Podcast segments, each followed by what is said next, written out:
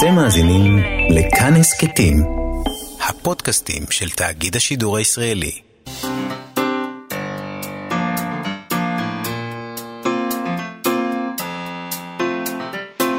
מה שכרוך עם יובל אביבי ומה יעשה לה. שלום, אנחנו מה שכרוך, מגזין הספרות היומי שלכם ב-104.9 או 105.3 FM או באפליקציה של כאן שאפשר למצוא בחנויות האפליקציות. איתנו באולפן היום רות דוד אמיר וגיא פלביאן שעושים איתנו את התוכנית. בוקר טוב לכם, ובוקר טוב, זאת אומרת צהריים טובים בעצם. יובל אביבי. שלום, מה יעשה לה? שבת. שבתי. את יודעת, הייתי בחופשה שבוע, אני לא יודע אם שמו יודעת. לב. את לא, האמת היא. שאנחנו לא שמנו לב, אז לא. פשוט... אה, היה תחליף הגון, Mm-hmm. אה, נהניתי לשמוע אתכם, אבל... אה, באמת נהנית? מאוד. זה הרגיש מוזר. כי פתאום, הרגשת כמו בהלוויה של עצמך? יש לך לפעמים את הפנטזיות האלה לעמוד מעל ה... לרחף מעל הקבר ולראות מ- מה אומרים עליי? מה אומרים? האם הם באמת עצובים? לא, אה, זה לא הרגיש בדיוק ככה. אה, אבל, אבל זו הייתה תחושה קצת של קנאה, כן, זו אה. תחושה טובה, אבל כאילו מישהו, מה, מה, לוקחים לי?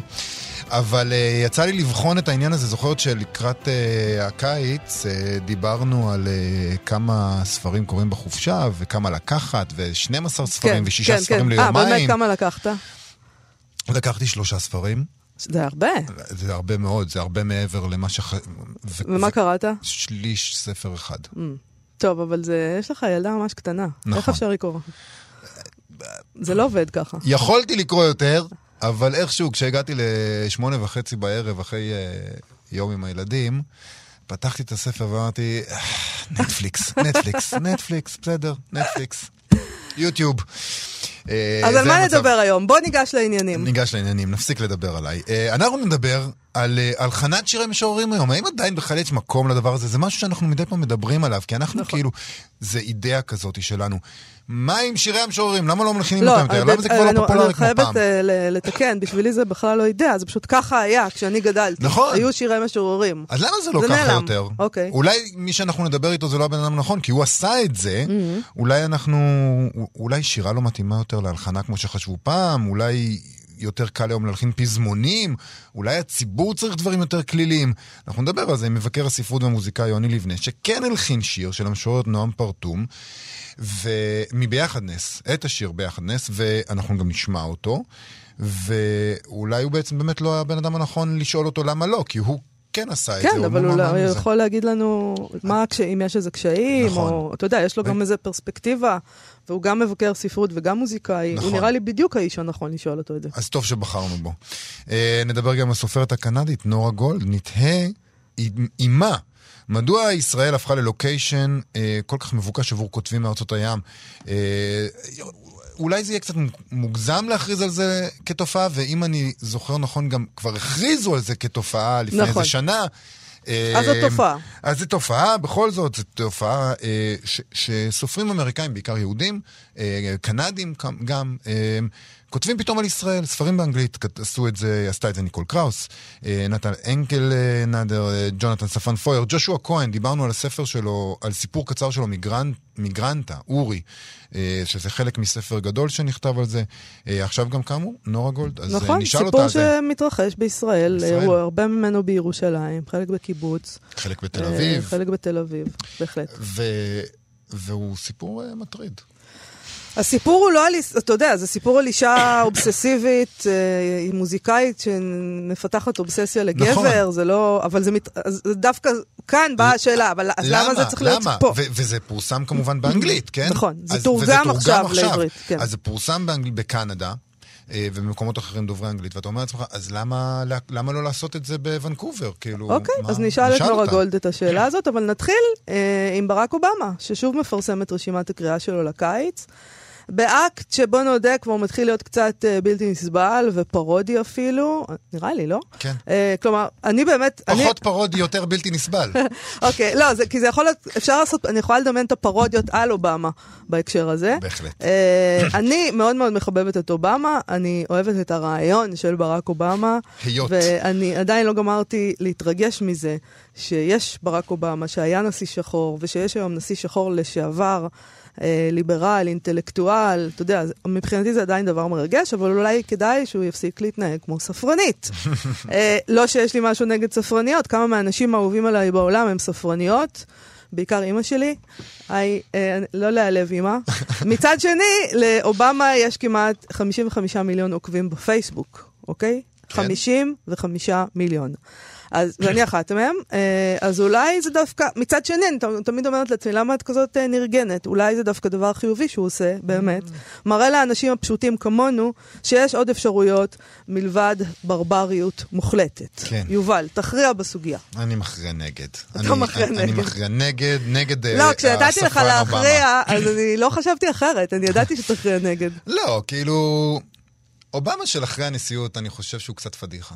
אני מצטער. אה, הוא מתרגש כזה מהחברים העשירים שלו ועושה סטורי ב- ב- באינסטגרם מהאי היווני הזה, שהוא מבלה עם כל העשירים האלה, אני לא- כבר לא זוכר את השמות שלהם, והוא מתלהב ככה מזה שיש לו 55 מיליון עוקבים בפייסבוק ועוקבים בטוויטר, וכל מיני דברים כאלה. הוא, הוא, הוא הפך להיות משפיען רשת שזמנו קצוב, וזה עצוב. חרוז. ועוד איזה משפיען רשת של ספרים. אה, כאילו, באמת, בן אדם, תמליץ על החוף הסודי שלכם באי היווני הפרטי, תמליץ לנו על מסעדה נחשבת בפריז שלקחו אותך אליה ואפילו לא היית צריך לשלם. מה ספרים עכשיו? וגם נדמה שהוא עושה את זה בעיקר כדי להיראות כמו הנשיא האינטלקטואל לשעבר, במיוחד לנוכח מי שהחליף אותו במשרד הסגלגל. זאת אומרת, זה נראה כאילו זה באמת כל הקטע הזה של משפיעני רשת. הוא, הוא לא מצטלם בבגד ים, בחוטיני, אבל הוא כן נותן רשימה של ספרים. זה מעצבן. אבל, אבל, אבל אתה בעצם אומר דבר אה, מאוד מאוד גזעני, כי אתה אומר, אוקיי, אתה אה, נשיא אובמה, אתה נשיא שחור, ולכן למה אתה מצטלם מאי יוונים עשירים? אה, לך תצטלם באיזה גטו בה- ב- בהארלם, אה, כי, כי ככה אנחנו מצפים ממך. לא! לא, הוא למה נשיא לשעבר, למה את כן, חושבת- הוא יוצא לחופשות יוקרתיות. למה זה גזעני? כי- אני לא התייחסתי לצבע שלו. לא, אבל, זה, בשני- אבל אם הוא היה נשיא לבן, לא היית אומר את זה. למה אתה שולח לנו, אה, למה אתה מעלה תמונות מ- מאיים, אה, מהאי היווני? אני עזוב, ח- אה, יובל, אני לא אתה- חושב אתה שזה אדם גזען. זה. אוקיי, אני לא מכחיש בוא את, נתחיל אה, עם ההמלצות של גזענותי. אובמה. אוקיי, אה, קודם כל, אה, הוא ממליץ על טוני מוריסון, כמובן. אה, עליה השלום. הוא ממליץ על כל הספרים שלה, הוא ממליץ עליה באופן גורף, והוא כותב לעוקביו שהם יהיו שמחים שהם קראו את זה, או אם הם, יקראו, אם הם כבר קראו, שיקראו מחדש, אה, כי הוא מודע לזה שחלק מאיתנו כבר קראו את טוני מוריסון. ואז הוא ממשיך להמלצות הבאות. על הספר הראשון שהוא ממליץ, הוא אומר שהוא קשה לבליעה, קוראים לו The Nickel Boys. אה, שכתב קולסון וייטהד, הוא כותב עליו שזה ספר הכרחי, מדובר ברומן המפרט את האופן שבו חוקי ג'ים קרו, זה חוקי ההפרדה גזעית, ומאסרים המוניים הרסו חיים, ויש להם השלכות עד היום, על היחסים בין שחורים ללבנים באמריקה. אני הלכתי לקרוא קצת על הספר הזה, כן. אה, והוא באמת נראה ספר מאוד מעניין. כן? כן. זה נורא מעציב אותי שהדברים האלה לעולם, לא לעולם, ברוב המקרים פשוט לא מתורגמים לעברית, ו... ואין לנו את הסיכוי ל... לקרוא את הדברים האלה שאובמה ממליץ עליהם, בלי תיווך. נכון, אבל אנחנו גם יכולים לקרוא באנגלית, בוא נודה יכולים, בזה. יכולים, אבל זה. זה יותר קשה, נכון. אני מצטער, זה יותר קשה לי. ב- בספר... תלוי, נגיד תרגום- יש תרגומים כאלה גרועים היום לעברית, שהם קשים לא פחות אולי- מפשוט לקרוא במקור וזהו. כן, אולי אפילו נדבר על זה, אם נספיק. אה, זה פשוט אה, מרגיש שיש אה, שני מכשולים. יש מכשול אחד של להבין את הספר, להבין מה, מה רוצים ממך, ומה המשורר התכוון, וכל הדברים האלה, אה, ומה אתה מרגיש כלפ... ואז יש לך עוד בר, אה, מחסום כזה. אה, השפה גם. אז לא מספיק שאני לא מבין למה המשורר התכוון, אני גם לא מבין את המילים שלו, אז זה קשה. Uh, הספר הבא שהוא ממליץ עליו אובמה הוא Exhalation של צ'אנג טד. אוסף סיפורים קצרים שיגרמו לכם לחשוב לשאול שאלות גדולות ולהרגיש יותר אנושיים, זה הסוג הטוב ביותר של מדע בדיוני, כך אומר הממליץ אובמה. עוד ספר שהוא ממליץ עליו זה וולף הול של הילרי מנטל, זה ספר שראה אור בשנת 2009, זכה בבוקר. אה, אובמה מציין שהוא ראה אה, אור ב-2009, אבל הוא כותב שהוא היה קצת עסוק אז, מצחיק. אה, זה ספר שגם תורגם לעברית על ידי אה, שרון פרמינגר, והוא ראה אור בהוצאת בבל וידיעות אחרונות. ספר מצוין. נכון. זהו, מצוין. זה ספר טוב, זה רומן על אנגליה בתחילת המאה ה-16, על האופן בו תומאס קרומוול נהיה האיש החזק בממלכה, וזה ספר טוב. נכון, ספר. נהדר. Uh, כדי להיות, אולי, אולי כדי להיות מגוון מבחינה גזעית, אובמה גם ממליץ לנו על הרוקי מורקמי, uh, אוסף סיפורים בשם גברים ללא נשים, שבוחן לדברי אובמה מה קורה לאנשים, יובל, שאין להם אישה חשובה בחייהם. זה ירגש אתכם ויבלבל אתכם, ולפעמים יותיר אתכם עם יותר שאלות מתשובות, הוא אומר. והוא ממשיך וממשיך, ממליץ וממליץ, אנחנו ציניים uh, קצת לגבי זה, אבל האם אתה יכול לדמיין לך את ראש הממשלה שלנו ממליץ על ספר שלא יצא דווקא בהוצאת בית ז'בוטינסקי, ושהוא לא רומן, שהוא לא היסטוריה, ספר היסטוריה, סתם רומן שהוא קרא, אה, ודווקא אנחנו מדברים, ראש הממשלה שלנו הוא אדם מלומד, אומרים לנו. רוב הזמן אומרים לנו את זה שהוא נכון. מלומד. אני לא בסוף... לא, מבין, לא מבין למה את סתם מזלזלת בראש ממשלתנו, בנימין נתניהו. Uh, אני מודה, נכון, אני נזכר שכשהוא uh, הפיץ סרטון לכבוד שהוא הספר, uh, הוא דחק בציבור לצאת מפייסבוק ולהתחיל לקרוא. הוא באמת המליץ על ספר שיצא בהוצאת uh, מכון uh, ז'בוטינסקי, uh, הספר ג'ון הנרי פטרסון, הגדודים העבריים והציונות, שכתב אחד בשם משה יגר. אבל הוא המליץ על עוד שני ספרים, היה. הוא המליץ על שני ספרים... זכרתי משהו. שלא יצאו בהוצאת מכון ז'בוטינסקי. אוקיי. למשל, אורד וינגייט, קורותיו והציונות, זה יצא דווקא בהוצאת מוסד ביאליק. כתב את זה אחד, משה יגר. וגם ספר שנקרא ריצ'רד מיינרצהגן, והציונות, זה יצא גם כן בהוצאת מוסד ביאליק, כתב אותו אחד, משה יגר. יש פה עניין עם משה יגר, לביבי. כן, למה סתם להגיד שרק בהוצאת ז'בוטינסקי, כשיש שני ספרים מומלצים בהוצאת מוסד ביאליק, רק כי אותו משה יגר במקרה במקרה באמת הוציא ב-2018 את הספר על פטרסון כן בהוצאת ז'בוטינסקי, ואז ב-2019, סתם בערך חודש לפני ההמלצות של נתניהו בפייסבוק, הוא גם זכה בפרס ז'בוטינסקי לספרות ולמחקר. מי נותן את הפרס הזה? מכון ז'בוטינסקי כן, שהוציא את הספר? כן, נתן לו פרס כן, ז'בוטינסקי? כן, אז אל, תס... אל תשמיצי, כי יש שם אוקיי, מוסד ביאליק. סליחה, אני אה, מתנצלת, אני חוזרת. והנה ממש לאחרונה, לפני אה, שבוע או משהו כזה, אה, נתניהו שוב המליץ על ספר בפייסבוק. אה, שלא יצא בהוצאת ז'בוטינסקי. ספר שיצא בהוצאת סלע מאיר, כתב אותו עקיבא ביגמן. ראש הממשלה שלנו ממליץ עליו בחום לאחר שקרא אותו, והוא נקרא כיצד הפך נתניהו את, אה, ישראל לאימפריה. ו- כמו שאמרו במציצים, אתה בא להמליץ לי על אשתי, אני, זה ממש... וזה ספר ש- שהוא קרא אותו והוא נהנה ממנו, והוא ממליץ עליו, והוא לא יצא והוא גם נתן איזה ציטוט מהספר, נכון, על, ה- על נכון. הגדולה נכון, של הגיבורו. נכון, וזה באמת מעביר אותנו, את יודעת, זה, זה, זה, זה אורגני ככה, זה מעביר אותנו משנות אובמה לשנות טראמפ, כי זה נוהג טראמפי. להמליץ על ספרים טובים שנכתבו אודותיך, זה מאוד מאוד... טראמפ אה, ממליץ על ספרים גם שהוא כתב. זאת אומרת, אם אפשר לקרוא לזה כתב. לפעמים, כן, זה נכון. את יודעת, אולי גם נתניהו. אגב, אה, בפייסבוק זה נהוג, זאת אומרת, אנשים ממליצים הרבה על ספרים שהם כתבו, זה מאוד נהוג. אני חושב שזה היה יותר אלגנטי אם נתניהו היה ממליץ על הספר שהוא כתב, מאשר על הספר שכתבו עליו, אבל מי אני שאני אתן עצות לראש הממשלה שלנו?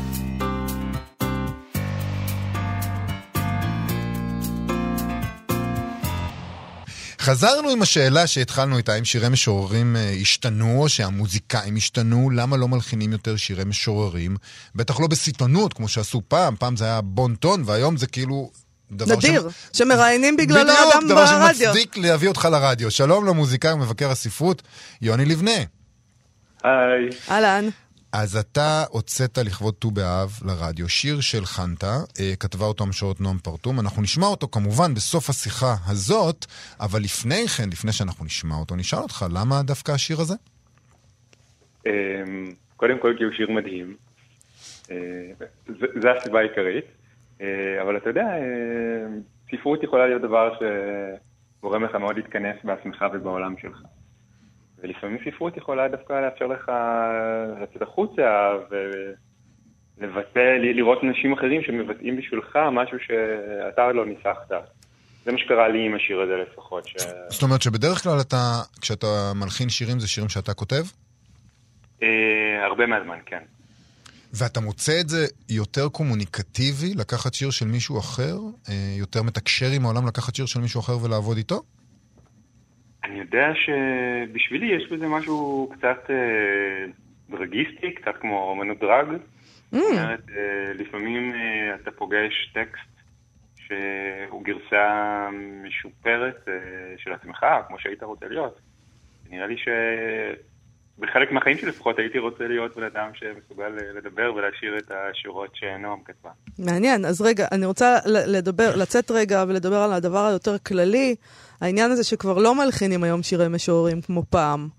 Uh, ואני תוהה אם זה בגלל שהיום כולם רוצים להיות singer songwriter, או לחילופין, כי המשוררים כותבים אחרת באיזשהו אופן שהוא כבר לא מתאים להלחנה. יש לך איזו הערכה לגבי הדבר הזה?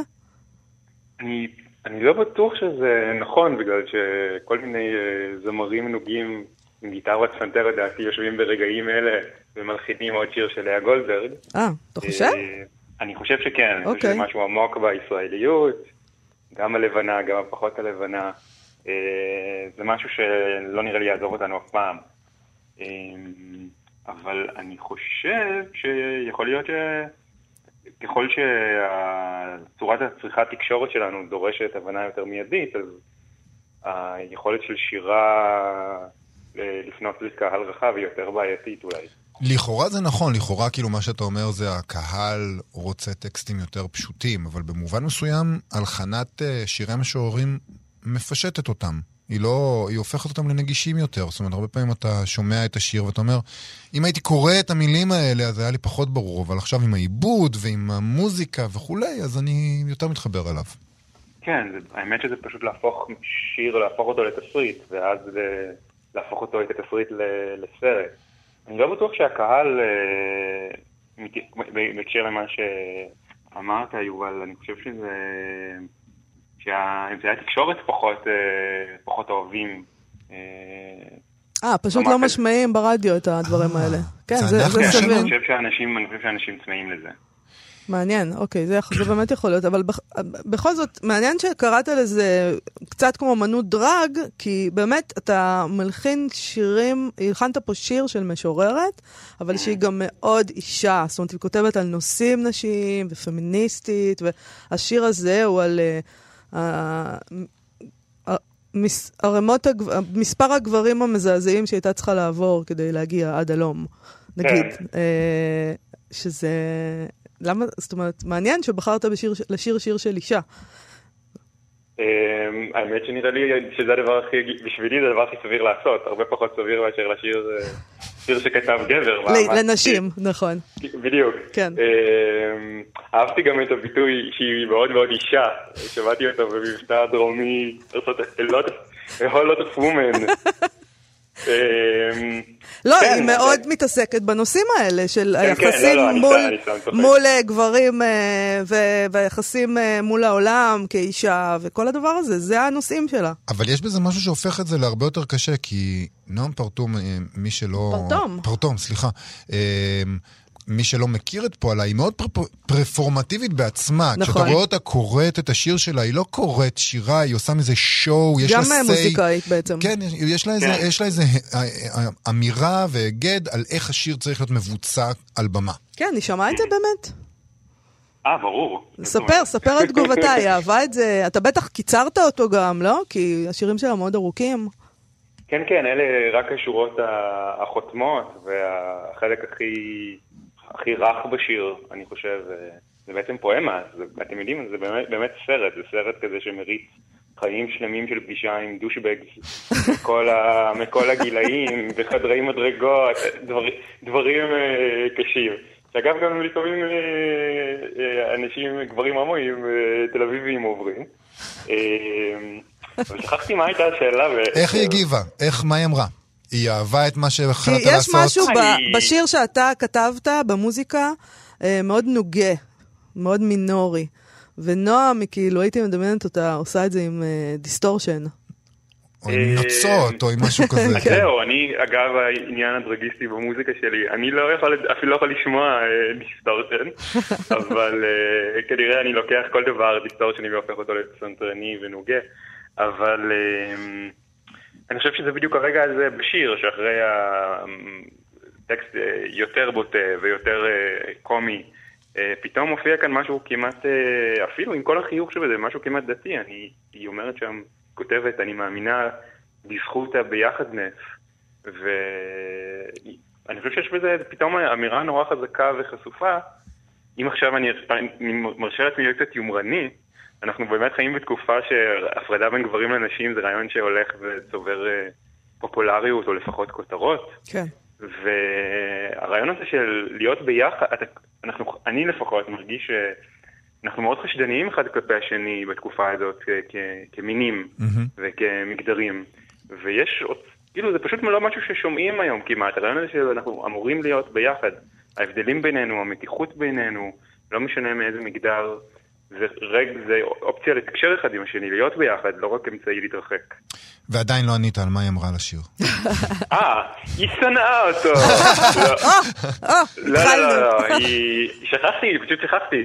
היא אהבה אותו, אחרת בחיים לא הייתי מפרסם את זה. אה, כן? אם הייתה אומרת לא, היה לה זכות וטו? לא, נעמי בן אדם אה, מאוד אה, אה, חיובי, בדיוק. אז לא יכולתי לדמיין שהיא לא אהבה כן. אותו, האמת. לא, לא, אני גם... זה המון עבודה, הדברים האלה, במיוחד באמת שירי משוררים. הם לא כותבים פופ, למרות שבנועם יש משהו פופי, הם לא כותבים לפי מתכון של שיר פופ. לא, זה גם נראה לי מאוד קשה, כי הכתיבה שלה מאוד מבוססת מילים ומשחקי מילים ו- וכל לא, מיני... דווקא זה זה יתרון, לדעתי? בהלחנה. כן? אני לא יודע, כן. אף פעם לא הלחנתי. צריך לה, אבל יש הבדל בין באמת מתכון של שירי פופ, של שירים מרובעים, לבין, אני, חלק מהמאמץ שלי זה להכניס את זה לתבנית שהיא יותר פופית. ואני, בוא נגיד ככה, שאני בחיים לא אעשה את כל המאמץ הזה, אה, אם אני, אם המשורר, או בעיקר המשוררת, תעקם את הפרצוף. כן. אז בואו- אז בואו נשמע את זה עכשיו. תודה רבה, יוני תודה, יוני. אנחנו תודה נשמע את. ביחדנס. נשמע את ביחד. תודה. להתראות. אה,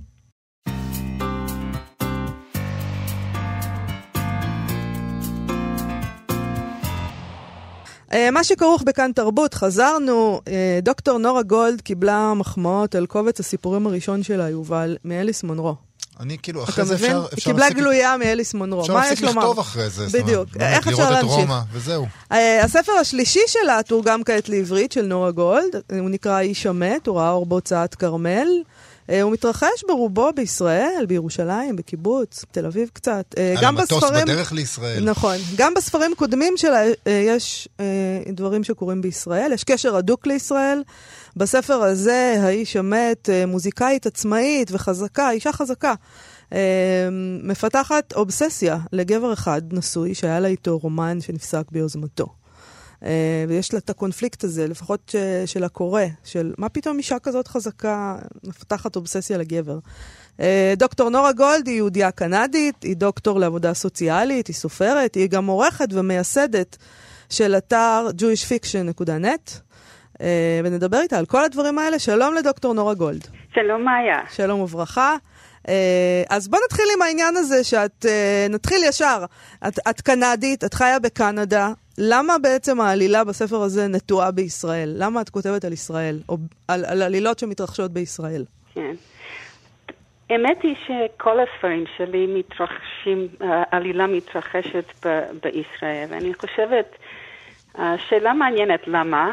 אני חושבת שישראל ממש אה, עמוק בתוכי, אפשר להגיד, וכפי שאת יודעת, כשכותבים ספרות, אז כותבים, אני חושבת, ממקום לא הכרתי או לא מתכוונים. אני, אני לא בוחרת לכתוב על משהו כן. בישראל, אבל זה יוצא ככה, כי איכשהו הלב שלי, חלק מהלב שלי לפחות, נמצא שם. אבל uh, ישראל מופיעה בצורה אחרת בשלושת, בשלושת הספרים, mm-hmm. אז, כי למשל בראשון, uh, Marrow and Other Stories, uh, זה uh, מתרחש בזמן האינתיפאדה הראשונה, כן. ו- וישראל הוא מקום של סכנה ואלימות פוליטית וטראומה. Uh, בשדות גלות, Fields of Exile, ודווקא שם הספר הוא משיר מלאה גולדברג, mm-hmm. uh, ישראל מקום שצריכים להגן עליה, כן. כי יש ציונית שמאלנית שנוסעת לקנדה לשנה מפה, ומוצאת שבאוניברסיטה זה לא רק עניין של ביקורת לגיטימית על ישראל, אבל ממש שונאים את ישראל, והיא מרגישה שהיא חייבת להגן על ישראל. והיא משלמת מחיר מאוד גבוה עבור זה. ובאיש המת הייתי אומרת שישראל מקום של uh, אהבה וגעגועים לא פתורים וכל מיני דברים לא פתורים.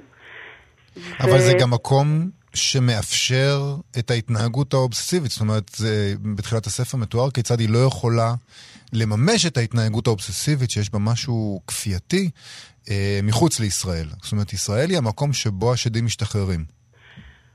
היא uh, לא בדיוק, כי היא אובססיבית בקנדה חמש וחצי שנים, והיא באה לישראל כדי לנסות להתגבר על זה. אז למשל, דווקא כשהיא פה, היא לא יכולה לעשות חלק מהדברים שהיא עושה בקנדה, כי היא מפחדת שהגבר יזהה את הטלפון שלה פה כן. בארץ, או כן. משהו כזה. כן. אז זה לא, זה לא מופיע כמקום אובססיבי, דווקא במקום שפה היא מצליחה להתגבר על הדבר הזה, כי רק פה היא מסתכלת את זה בפנים, וממש... אה, מתעמתת עם הדברים שמתחוללים בתוכה.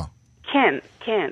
היא, היא גם רואה את ישראל כמקום קסום, ואני, אחת השאלות שבתוך הרומן אני חושבת שכל העניין של יהודים בחוץ לארץ שבאמת מביאים איזו אידיאלי, אידיאליזציה או רומנטיזציה לישראל, ומקום קסום, ומקום מעולה, ומין גן עדן שממנו היא, היא, היא גרוש, והיא... Uh, ואני אני לא רואה ישראל בצורה כזאת, אני... כגן עדן. את חיית, את, את חיית פה, את חיית פה שש שנים, אז את אולי כן. uh, יודעת שאנחנו לא כן, גן עדן. כן, בדיוק. ומאז אני פה לפחות פעמיים, לפעמים שלוש פעמים בשנה. אז, uh, ואני הייתי, uh, הייתי אחד המייסדים בקנדה של הקרן החדשה לישראל בקנדה, אז אני מאוד uh, מכירה את הארץ ו... ואוהבת את הארץ. איך אבל... העובדה שאת uh, כותבת על uh, עלילות שמתרחשות בישראל, ויש, uh, ישראל מופ... היא, היא גיבורה בספרים שלך, איך זה מתקבל שם אצל קוראים קנדים? כלומר, איך זה מבחינתם, לאור גם העובדה שאנחנו מדברים על זה שלא אוהבים את ישראל בעולם?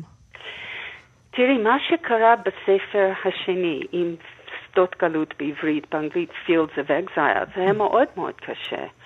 אני כתבתי את זה, הדמות המרכזית בספר הזה היא, היא לא, היא שונה מאוד ממני, אבל הפוליטיקה שלנו, השקפת עולם דומה, mm-hmm.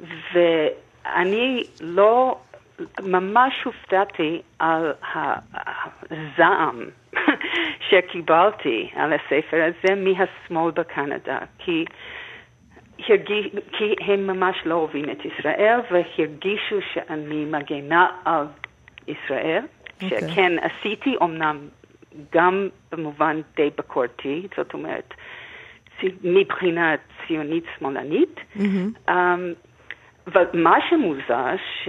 וגם אני, הקיפו אותי בכל מיני, uh, גם בשמאל וגם, וגם במקומות אחרים, בטוויטר, uh, ממש הקיפו אותי, אמרו דברים איומים ואיימו עליי, אבל מה שמוזר מאוד, שה...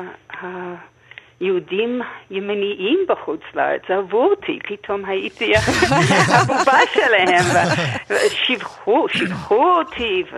הם יודעים שאת uh, ממקימות הקרן החדשה לישראל? מה? זה... כן, זה היה כל כך, כאילו התעלמו מזה, ואני אוקיי, אומרת... כשנוח. לא, אבל זהו, זה, זה, זה, יש איזו אה, השטחה של השיח הפוליטי. אז אתה, מספיק שתגיד דבר אחד ואתה איתנו. אז מחר תגיד משהו אחר, אתה. האויב שלנו. זה בדיוק, זה נשפט לפי. הדבר האחרון שהוצאת מהפה. לא, זה בדיוק ככה, ואני לא הייתי מוכנה לזה, זה ממש היה לי מאוד מאוד מוזר ודי קשה, כי חשבתי שאנשים שאז ראיתי את עצמי עדיין בשמאל, אני כבר לא רואה את עצמי בשמאל, הציו... בשמאל הציוני כן, אבל לא השמאל ה...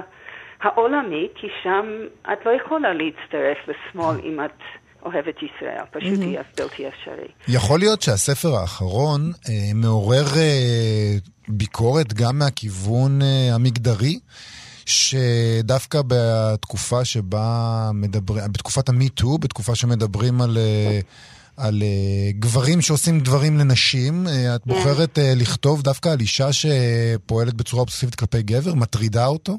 כן, יש בזה משהו מעניין, ואנשים מעלים, את, מעלים את זה לפעמים. אני בעצם לא, אני לא אומרת uh, בספר, זאת לא תמונה של דבר חיובי, זה בסדר כי היא אישה, והיא מטרידה גבר, בכלל לא. ודווקא אני, אני לא יודעת כמה, כמה קיבלת את זה, קיבלתם את זה מהספר עצמו, אבל בעצם זה כמעט ביקורת על ה... על הספרים הרבים על נשים ש... שיש להם אובססיה כלפי גבר, כמעט למשל בספרים של הרלקווין, שזה כמעט, זה טבעי וזה נורמלי, כי כמובן אישה היא לא שום, היא כלום בלי גבר, אז זה טבעי שהיא תצטרך לעשות דברים קיצוניים כדי להשיג גבר, כן. או לקבל אותו בחזרה.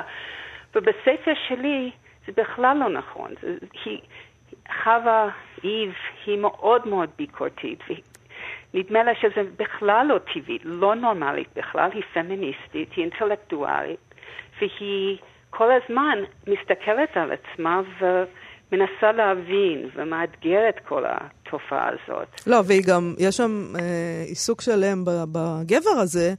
שהוא די עונה לקריטריונים אה, בהרצאה שהיא נותנת של פסיכופת. כן. אז זאת אומרת, זה לא שהוא פשוט איזה אדם נורא תמים, הוא לא, עשה לא. לה, אתה יודע, הוא, הוא הוביל אותה באיזשהו ברור. אופן. נכון. שאת זה היא בוחנת, זה לא שהוא איזה מסכן ש... שהיא אובססיבית עליו. לגמרי נכון. אה, יש לה טעם בעייתי בגברים, זה נכון, אבל כולנו חווינו את זה. אפילו נכון. לי היו כמה גברים מגעילים, אני מודה. לי לא היו עדיין. אה, נורה, אני רוצה לשאול אותך על uh, Jewish Fiction. כן. נקודה נט. מה זה הדבר הזה? למה הקמת את האתר הזה? והאם יש דבר כזה בכלל, Jewish Fiction? אהה, שור. Um, אני הקמתי את הכתבת ספרותי הזה uh, ב-2010, כי היו לי כמה, כמה חברים טובים, סופרים, שלא הצליחו לפרסם את העבודה שלהם, והם טובים. Mm-hmm. ולי לא הייתה בעיה כזאת, אבל כל אחד שאני דיברתי על מה, זה, על מה התוצאה של המהפכה הדיגיטלית ומתי הכל כאילו יתייצב או יסתדר והחברים שלי יוכלו uh, למצוא uh, מו"לים אז uh, טוב, חכו uh, 15, 20, 20 שנה הכל יהיה בסדר. אז אמרתי, אני לא רוצה שכל הספרות הזאת תלך לאיבוד. אז אני פתחתי את זה, לא ידעתי כמה זה יהיה, uh, כמה, עבוד, כמה, כמה זה יהיה עבודה וכולי וכולי, כן. אבל um, היו לי כמה אנשים, למשל נאוה סמל מההתחלה, היא הייתה בגיליון הראשון שלנו והיא הייתה בהנהלה שלנו. Um, ומה שקרה, מהר מאוד, אה, רציתי ליצור מקום לא רק לסופרים וסופרות uh, מפורסמים, אבל שיהיה מקום לסופרים מאוד מוכשרים שלא מכירים אותם עדיין. אז uh, חשבתי על זה כמין מקום מפגש לסופרים יהודים בכל העולם, ולא, לא, אני חושבת שנה או משהו אחרי זה הייתי בכנס כיסופים פה בירושלים, שהיה כנס בינלאומי לסופרים יהודים מכל העולם, ופגשתי הרבה אנשים, ובדיוק uh, הם, כולם חשבו על אותו דבר, כמה חשוב שיהיה מקום לכל ה... לעבודה שלנו, uh, כאילו להיפגש. Mm-hmm. אז... Um, והאתר מצליח? זאת אומרת... מאוד נ... מצליח, מאוד כן, מצליח. נ... הרבה מאוד אנשים קוראים... גולשים אליו וקוראים? יש לנו קוראים ב-140 ארצות, uh, מדינות. יש לנו... Uh, מה, ש, מה שמעניין שמהר מאוד uh, זה הפך להיות כתב עת לתרגומים, לתרגומים, כי בכל, בכל גיליון יש לנו שלושה, לפחות שלוש עבודות מ... uh, מתורגמים מעברית, ויש לנו תרגומים מ-16 שפות. אז למשל, בגיליון אחד אתה יכול לקרוא uh, משהו מתורגם מרוסית, מספרדית, מצרפתית, מעברית, מיידיש, מכל מיני. אז uh, זה, זה משהו די... Uh, מדהים. לא נעים לי להגיד. jewishfiction.net, כן, קהל נכבד. וזה בחינם. אתם מוזמנים, ואני, וזה בחינם. כן, אני שמרתי על זה, שזה יהיה בחינם, כדי שכל אחד יכול. ולמשל, ב- יש לנו בראש השנה תהיה גיליון מספר 23, ותהיה לנו uh, עבודה מאסתי חיים וחווה פנחס כהן, וגם מנדלה מורך ספורם שכתב את, החל, את העבודה הזאת בעברית. אז... Um... יש למה לחכות. דוקטור אה, נורה גולד, תודה רבה לך על השיחה הזאת. נזכיר שלפני כן, דיבר, לפני שדיברנו על אה, Jewish Fiction.net, דיברנו על האיש המת, התרגום החדש לעברית של הספר שלך, שיצא בהוצאת כרמל. תודה רבה על השיחה תודה. הזאת. תודה רבה, להתראות. תודה רבה.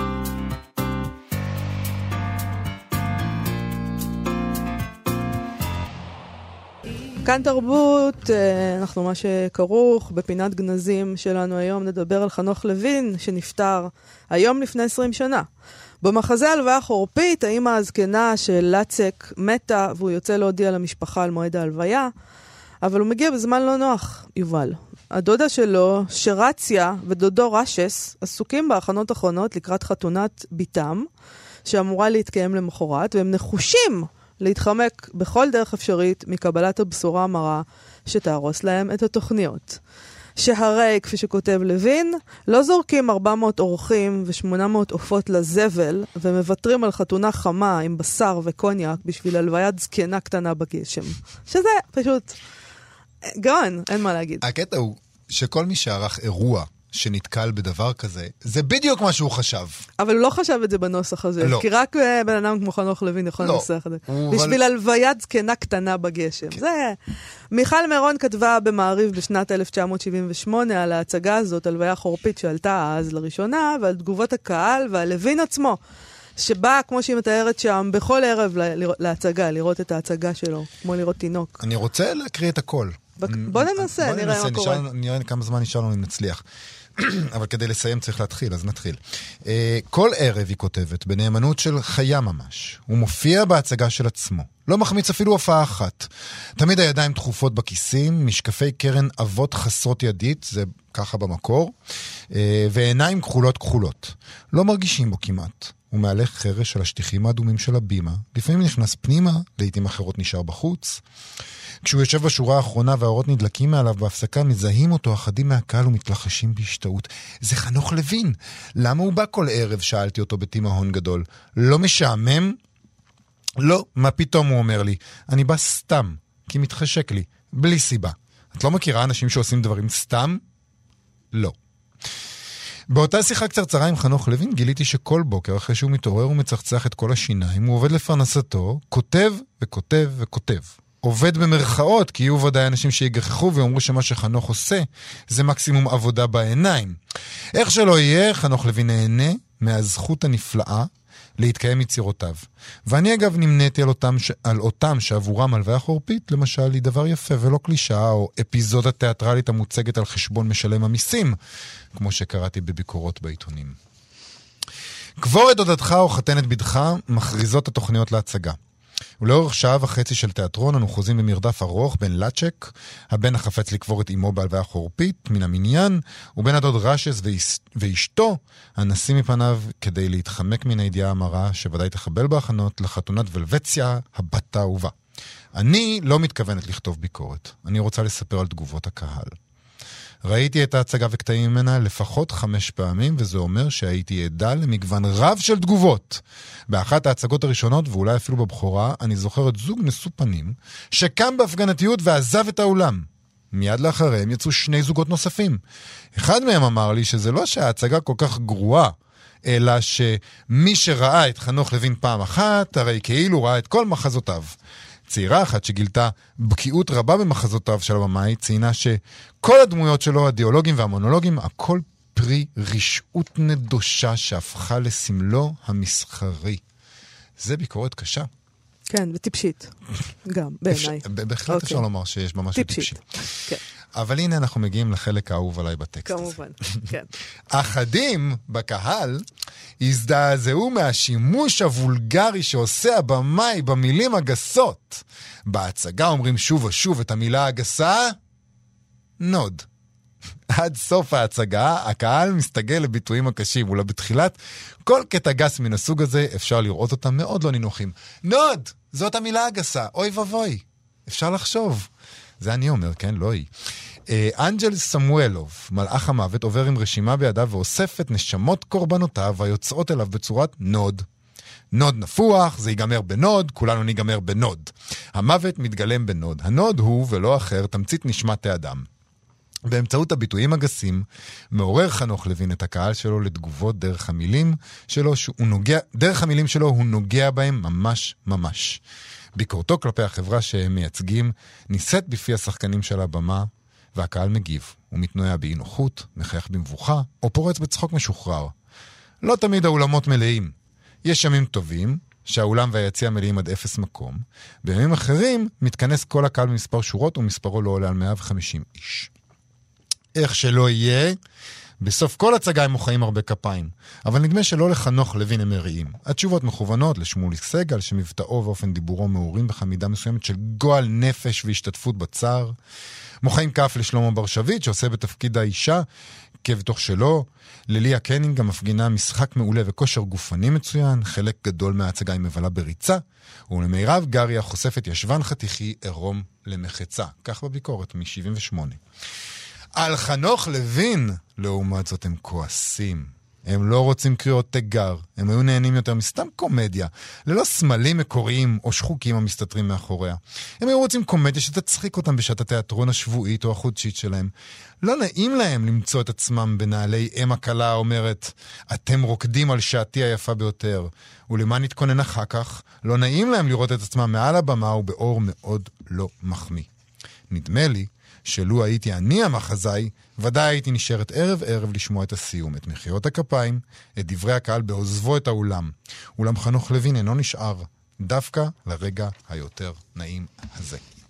אני חושב שזה טקסט נהדר. טקסט נהדר, אבל uh, בעיקר uh, מי שנהדר זה חנוך לוין, הוא היה נהדר, גאוני ביותר, נכון, באמת. ו- ואותי זה שוב מנחם שהקהל גם ב-78 אה, איך זה מנחם? כן, שהעולם הי... לא מתקדם? תמיד היינו פוצים ככה, והזדעזענו ממילים גסות, ויצאנו בחמת זעם. תמיד אפשר לסמוך על מישהו בישראל שיצא בחמת זעם. אז למה זה... זה נכון, אבל איך זה מנחם? שזה לא רק שהיום אנחנו פוריטנים וצקצקנים וכולי, אלא תמיד היינו ככה, לא השתנה כלום. טוב, אני לא, לא, ש... אני לא מבינה מה הנחמה בזה. תפיסת העולם שלי שהולך ונעשה יותר ויותר גרוע. לא שהולך ונעשה יותר ויותר טוב. אז אתה אומר סטגנציה זה דבר טוב. זה שאנחנו לפ... לא מתקדמים זה בסדר. זה שאנחנו לא מידרדרים. לפחות אנחנו לא הולכים אחורה. לפחות אנחנו לא הולכים אחורה, בדיוק. יפה. אז זמננו תם, אני מאוד מודה לך על התובנות הפילוסופיות העמוקות האלה. תודה רבה לרות דוד אמיר וגיא פלוויאן שעשו איתנו את התוכנית, ואנחנו נהיה פה שוב מחר. להתראות, יובל. להתראות. אתם מאזינים לכאן הסכתים, הפודקאסטים של תאגיד השידור הישראלי.